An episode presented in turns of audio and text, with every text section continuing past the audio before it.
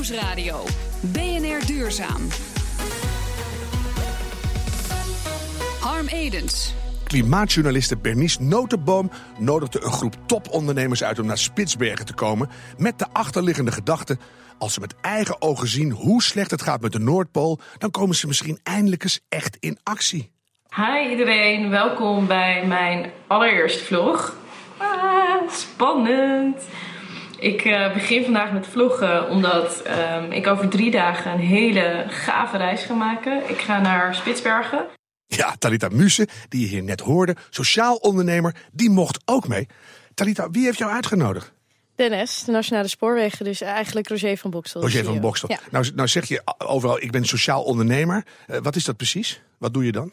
Ja, dat betekent dat je onderneemt, maar dat is eigenlijk de vorm om een betere wereld te creëren. Dus het ondernemen of geld verdienen is niet het doel op zich, maar de maatschappelijke impact, dat is het grotere doel waarvoor je onderneemt. En kan je een voorbeeld nemen, noemen waar jij geen geld mee verdient? Nee, ik verdien er wel geld mee. Uh, moet ik zeggen dat ik ook best wel vaak presentaties geef of organisaties help met duurzaamheid.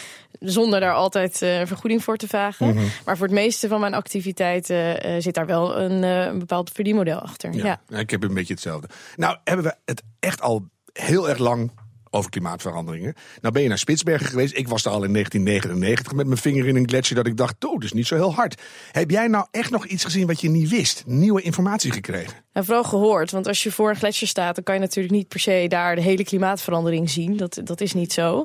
Maar uh, het gaat met name de, om de context. Dus er zijn daar klimaatwetenschappers bij, van bijvoorbeeld ESA en NASA, die de context kunnen schetsen. En dan zie je dus wel degelijk hoe erg eigenlijk daar het, het ijs achteruit gaat. En wat voor mij compleet nieuw was, was dat uh, ongeacht onze inspanningen om CO2 te reduceren, is het Noordpoolgebied eigenlijk al een beetje verloren. Dus dat zijn we binnen 30, 40 jaar, is dat volledig ijsvrij, zomer en winter. Mm -hmm. Hoogstens een metertje wat er ligt met wat nieuwe sneeuw, nieuwe ijs.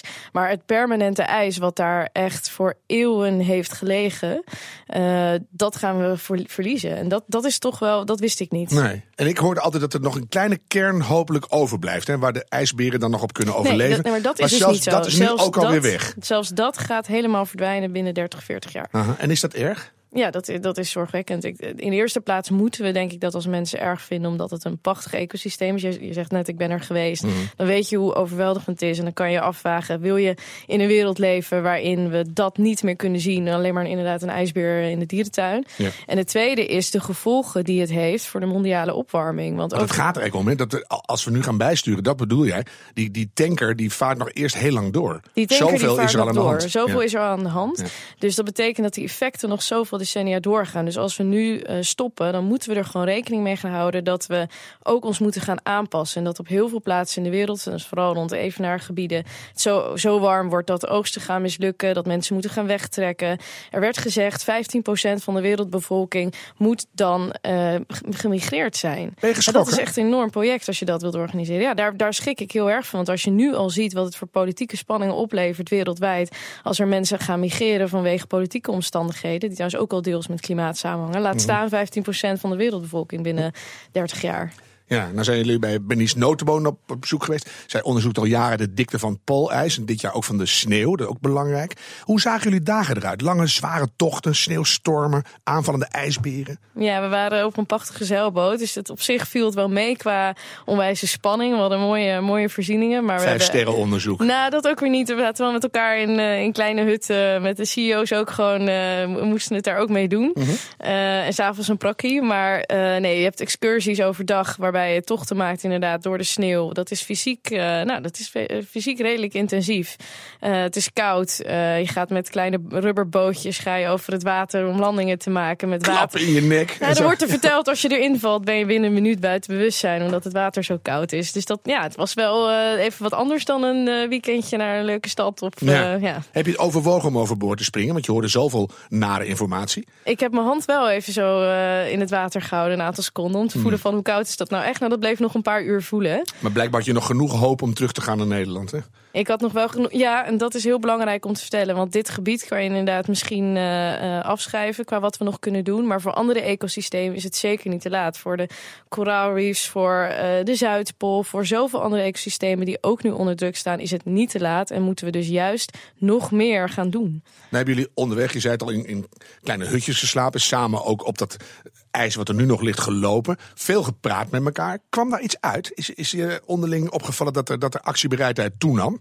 Ja, dat is heel wisselend. Dus je ziet dat mensen persoonlijk uh, wel allemaal geraakt zijn. En dat je echt wel bij iedereen van de CEO's tot ondernemers of jongere mensen die aanwezig waren, echt wel geraakt zijn. Uh, maar vervolgens, en dat vind ik heel interessant, en daar heb ik dus ook uh, een stukje onlangs over in de kant geschreven, is dat je zo in bestuurlijke rollen zit, dat je uiteindelijk toch terugvalt op van het is, het is een complex vraagstuk, het is taai, we moeten mensen meenemen, we kunnen het niet alleen. Dus dat betekent nou, transitiepaden van 30, 40 jaar. Ja, 20, waarschijnlijk 2050 is veel, Precies, veel genoemd. 2050, dan Mhm. nog steeds een groot deel van onze energievoorziening uh, die uit fossiel zal bestaan. En dat wordt, het wordt eigenlijk iedere keer een beetje zo afgedaan als van ja, dat is reëel. En uh, durven dromen of durven uitspreken dat het veel sneller moet, dan ben je niet realistisch. En dat, dan, dan mag je eigenlijk niet meer meepraten. En dat is een soort vreemde situatie die we met elkaar in stand houden, die heel erg beperkend is. Maar het zijn natuurlijk wel de grote bedrijven. We hebben het over de NS, Schiphol, ING, de Rotterdamse haven, Gasunie. Ja. Ik was laatst bij het begin van de energietransitie in de Rotterdamse haven.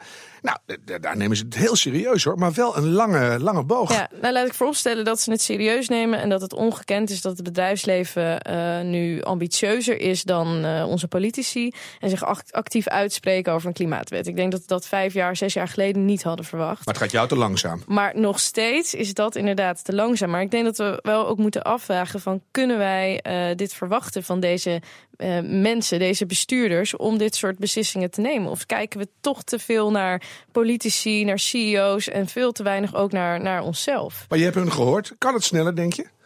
Ik denk dat het sneller kan. Ja, ik denk dat het sneller kan. Ik denk dat het te maken heeft, en dat is iedere keer in die discussies over uh, kan het sneller, gaat het uiteindelijk over kosten. Dus het, he het, heeft iets te maken met van wil je nu heel groot uitpakken en de grote kosten dragen, terwijl over vijf jaar bepaalde innovaties bijvoorbeeld goedkoper zijn, wil je dan nu als Nederland je bedrijfsleven zwaar belasten, je concurrentiepositie daarmee aantasten, nou, allemaal maatregelen nemen die, waarmee, je, waarmee je eigenlijk de lasten draagt van de transitie. Mm -hmm. En dan ja, zeg ik eigenlijk met wat we nu hebben gezien en wat we nu weten, ja, moet je koploper worden. Dan kan je dat, die kennis, die ervaring die je opdoet ook exporteren naar het buitenland. Dat kan je alleen maar voordeel hebben op de lange termijn. Maar ik hoor een beetje bij jou eronder dat ook mensen zitten te wachten op innovaties die gaan komen. En het, het wordt beter, dus we gaan over tien jaar wel de goede maatregelen nemen. Dat zit er een beetje achter. Ja, dat het toch nog nou, vooral naar elkaar kijken is. Dus dan zegt het bedrijfsleven, politici, kom met maatregelen waarmee hè, uh, duurzaamheid uh, uh, een eerlijk level playing field wordt. Waardoor wij niet alleen maar bepaalde kosten dragen, maar de hele industrie gelijktijdig moet. En dat vanuit economisch perspectief is dat zo. Is dat waar? Mm -hmm. De vraag is alleen vanuit een andere agenda, namelijk de agenda aarde. En ons voortbestaan als, als mensheid. En de lasten die toekomstige generaties moeten gaan dragen als we nu geen actie nemen. Ja, uh, ja klopt. Is dat, is dat minder logisch? Deze plek wil je gewoon echt niet kwijt. Dat wil je gewoon niet. Je wilt eigenlijk niet op een aarde leven zonder zonder dit, weet je wel. Dit is echt de aarde. Ik heb juist, sinds ik hier ben, echt het besef van nu heb ik echt, echt de aarde gezien. Ik besef me nu echt hoe de planeet eruit ziet. En dat wil je gewoon niet kwijt. Ja, nog een klein stukje van jouw vlog vanaf Spitsbergen. Ga je daarmee door? Want dit was echt een soort ontboezeming. Van Ja. jongens, het, het, ik wil het niet kwijt. Nou, jij bent een stuk jonger dan die CEO's. Dus het moet sneller. Gaan, gaan ze doen wat jij zegt, denk je? Dat, eh, dat hoop ik. Nou, wat, wat, waar ik nu over aan het nadenken ben eigenlijk sinds deze ervaring... is dat we eh, veel meer beïnvloeding moeten doen ehm, eh, aan de consumentenkant. Dus ik denk dat we toch een grotere mobilisatie moeten krijgen van, van de bevolking. Want dat is Willen we dit nog? Nee, dus het moet anders. Ja, ik denk dat daar druk vandaan moet komen. Maar aan de andere kant vind ik dat ook weer te makkelijk. Dus ik heb me ook voorgenomen om te zeggen... eh, we moeten ook nog veel meer eh, druk geven op dit soort, eh, op dit soort mensen. En dat, dat kan op een... Op een het hoeft niet op een hele onvriendelijke manier. Maar wel zeggen van, nou ja, als je nu leiderschap wilt tonen... als je nu een koploperspositie wil pakken... dan kan je het eigenlijk niet maken als je in zo, zoveel invloed hebt... om niet met een veel ambitieuzer verhaal te komen. Dat mogen we eigenlijk niet meer mee weg laten komen. Dan ben je uitgenodigd door Roger van Bokstel. Wat wil je tegen Roger zeggen nu? Ik eh, ga een afspraak binnenkort met eh, Roger maken. Maar zeg het om, nu om maar, dit hij te luistert vertellen. Ehm, het geef eh, door, door zelf eh, die ambities hoger te leggen als CEO, creëer je heel veel ruimte binnen je organisatie voor mensen om ook de volgende stap te zetten. Dus geef gewoon aan dat we eh, op zo kort mogelijk termijn, binnen vier, vijf jaar, alle belangrijke beslissingen moeten nemen om die duurzame transitie te versnellen. Hoor je ons, Roger van Bokstel? Dankjewel, Talita Musse. BNR Nieuwsradio. BNR Duurzaam. Aan elkaar gegroeide klonten waterplanten heten kraggen. In het oude turfwindgebied de Weerribben is dat afval, maar je kan er ook bouwblokken van maken van prima kwaliteit. En die sparen ook nog het milieu. Biobloks. Verslaggever Martijn de Rijk ging langs in het Overijsselse Giethoorn. Nou, voor mijn gevoel sta ik hier naar een grote berg mest te kijken, maar dat eh, klopt niet helemaal, toch? Nee, nee, nee. nee dit is een uh, duurzaam uh, grondstof voor onze biobloks. Ja, een beetje zanderig. Je ziet overal takjes. Drie Voets, directeur van Biobloks. Het zijn uh, kraggen en rietplaksel. Willem Meijers, Nationaal Groenfonds. Ja, die weerribben die hebben dat probleem wel. Die moeten van dit spul af, toch? Ja, klopt. Uh, want het is een uh, continu proces uh, in de weerbewieden dat, dat er weer nieuwe biomassa ontstaat. Per jaar moet er ongeveer 40 hectare aan petgaten gemaakt worden. Dus opnieuw weer uitgraven en dat er weer water komt. En deze installatie verwerkt ongeveer 6 hectare per jaar. Dus we kunnen rustig nog een extra lijn hier parkeren. Ja, we zullen eens kijken wat er hoe dat de blokken gemaakt worden. Dan hebben we hier dus een uh, serie machines achter elkaar. Daarachter komt het binnen met de shovel. En dan wordt het nog eventjes een beetje vijgehakt, hè, geloof ik? Ja, ja daar uh, wordt het dan uh, verkleind. Dus de stengels die er dan nog in zitten, de lange rietstengels, worden nog zeg maar geknipt. En dan gaat het op de transportband naar de pers. En daar staan we naast. Die ja. pers die, ziet eruit als een hele grote scheepsdiesel. Ja, ja. ja het is een gigantisch blok uh, metaal om ervoor uh, te zorgen dat uh, er behoorlijke druk opgebouwd kan worden. En dat hebben we nodig om ervoor te zorgen dat het vocht wat er nog in zit zoveel mogelijk eruit geperst wordt. Zodat we kwalitatief een nog beter blok krijgen. Ja, maar er komt geen blok uit, er komt een worst uit, hè, geloof ik. Ja, ja er komt een worst uit, twee strengen naast elkaar. En die worden dan uiteindelijk op de snijtafel in twaalf blokjes gesneden. Nou, en hier is een blok zoals het uit de pers komt. Als je vroeger op de kleuterschool gekleid hebt, dan uh, kan je ja. hieraan uh, herinnerd worden. Het voelt ook lekker koud. Ja, ja. het is stuk klei. Ja. Maar, maar dat wordt dus hard. Ja, dat wordt uh, door het uittreden van, van het vocht wordt die hard. wat, wat kun je daar uiteindelijk mee? Je kunt hem naar ons idee op twee manieren toepassen. Dat is in infrastructureel projecten en in bouwprojecten. Uh, voor de infra kan je hem gebruiken om uh, ja, grondkeringen mee te bekleden.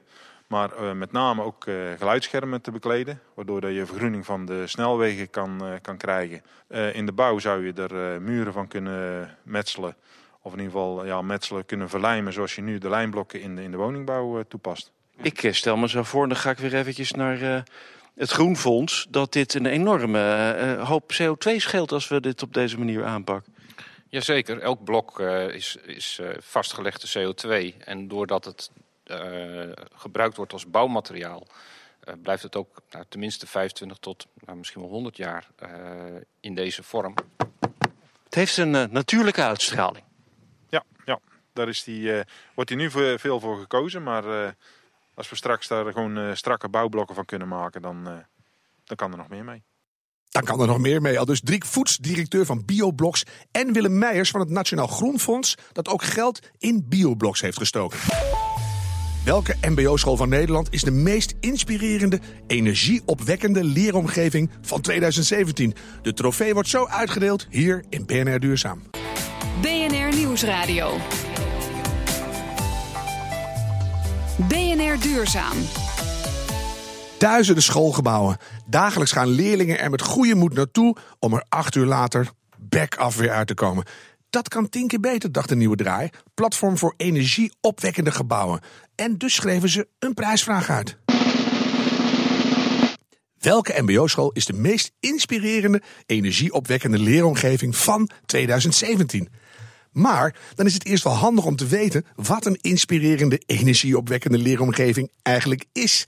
Alexander Minnaert, hoogleraar orthopedagogiek en klinische onderwijskunde aan de Rijksuniversiteit van Groningen, is bij ons te gast. Alexander, laten we meteen maar beginnen. Wat zijn de meest belangrijke kenmerken van een inspirerende leeromgeving?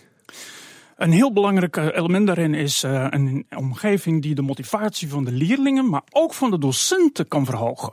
En in die zin eigenlijk is zuurstof voor onderwijs. Zuurstof, mooi bruggetje naar de vorige spreker als het ware. Mm -hmm. Ja, zuurstof om inderdaad ervoor te zorgen dat leerlingen gemotiveerd starten, maar ook blijven. Door invloed van de omgeving, door goede lichtbronnen, door goede uh, isolatie van uh, storende geluiden, door ondersteuning van technologie, door met elkaar uh, dingen te kunnen delen. En niet alleen de leerlingen onderling, maar het geheel. En in die zin zijn gebouwen daarin een hele goede plek om inderdaad die energieopwekking en die motivatiebevordering van onze leerlingen te vergroten. Ja, en gek genoeg begin je met het woord zuurstof. En denk ik ook meteen als buitenstaander de lucht. Hoe belangrijk is de luchtkwaliteit? De luchtkwaliteit is uh, ontzettend belangrijk. Ik heb ooit zelf stage gelopen in een openluchtschool. Ja. Dat is een belangrijk fenomeen om eigenlijk net uh, de klimaat binnen in de klas te brengen. Eigenlijk de openluchtschool? Ja hoor. Want het dak was weggewaaid. nee hoor, deze leerlingen zijn zelfs uh, gezonder dan de gemiddelde andere leerlingen. Ja, maar wel en... permanent verkouden? Of... Nee, nee, absoluut niet. Jeetje. Je bouwt meer weerstand op. Maar zit je echt in, de, in, de, in weer en wind in het buiten? Nee, nee, de ramen zijn aan de ene kant helemaal geopend. En kinderen komen toe in de klas okay. en doen het meteen open. Ja. Nee hoor. Maar het is wel belangrijk dat de kwaliteit van onze lucht, de kwaliteit van de omgeving waarin we leven, maar waarin we ook slapen enzovoort, het hele dag, dat we dat nauwlettend in de gaten houden. En als je dan kijkt, een school die dat soort dingen heeft, is dat dan ook belangrijk voor de leerprestaties van de leerlingen? Gaat die omhoog? Ja, op langere termijn. Dat is niet onmiddellijk een effect. Maar je weet natuurlijk het omgekeerde wel. Dat in een omgeving die heel warm is, waar weinig echte zuurstof is. Enzovoort. Zoals hier bij BNR. Nieuwsradio. Studio's ja. en zo moet je er niet te lang uithouden. Ja. het is echt, echt pleuris warm hier altijd. maar goed, ik mag er straks weer uit ook. Maar u heeft al heel veel leerprestaties achter de rug. Och, dit is bijna meer is onmogelijk. Ja, maar dat zie je dus op termijn. Hoe lang moet ik dan denken? Is dat jaren voordat dat je iets ziet, of is het daar een paar maanden al zichtbaar? Het zijn enkele maanden waar je dat gemakkelijk al zichtbaar kan maken. -hmm. En als je dan kijkt naar, want het gaat nu om de beste MBO-leeromgeving. Zijn er ook nog MBO-specifieke kenmerken?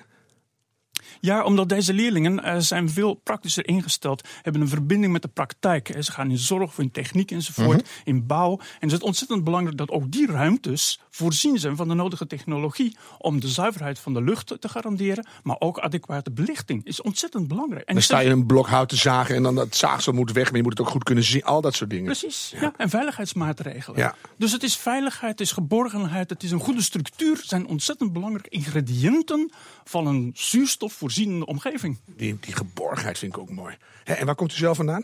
Ik kom uit Groningen nu. Ja, maar dat hoor je niet. Haal, Nee. nou, haal goud, mijn jonkje.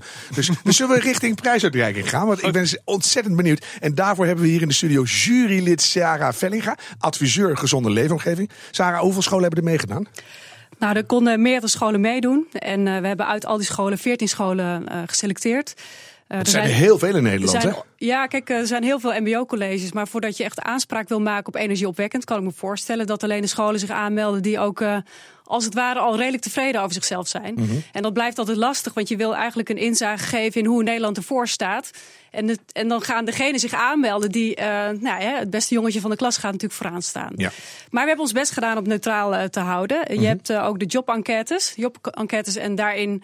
Uh, zie je ook een weergave van hoe jongeren hun eigen school ervaren. Dat is natuurlijk een leuke. Daarnaast hebben we vragenlijsten laten invullen door de scholen zelf. Dat is ook een lastige, want elke school geeft natuurlijk zelf aan dat ze hartstikke energieopwekkend zijn. Uh, en dan is er ook nog een teampje ter plaatse geweest, waardoor al die scholen uh, met eigen ogen en zintuigen zijn uh, ervaren. Ja, en heb je gekeken naar hoe gezond is het, hoe sociaal, hoe energiek, hoe circulair, hoe slim, alles ja, bij elkaar. Ja, ja. Maar dan vraag ik mij af, het gaat om de beste leeromgeving. Hè? Wat, wat hebben die leerlingen daar nou aan, of een, of een gebouw circulair is? Kijk, uh, wat denk ik een hele belangrijke is dat het in je DNA komt te zitten. Je mentaliteit. Dat je, wat de vorige spreker Talita ook al zei.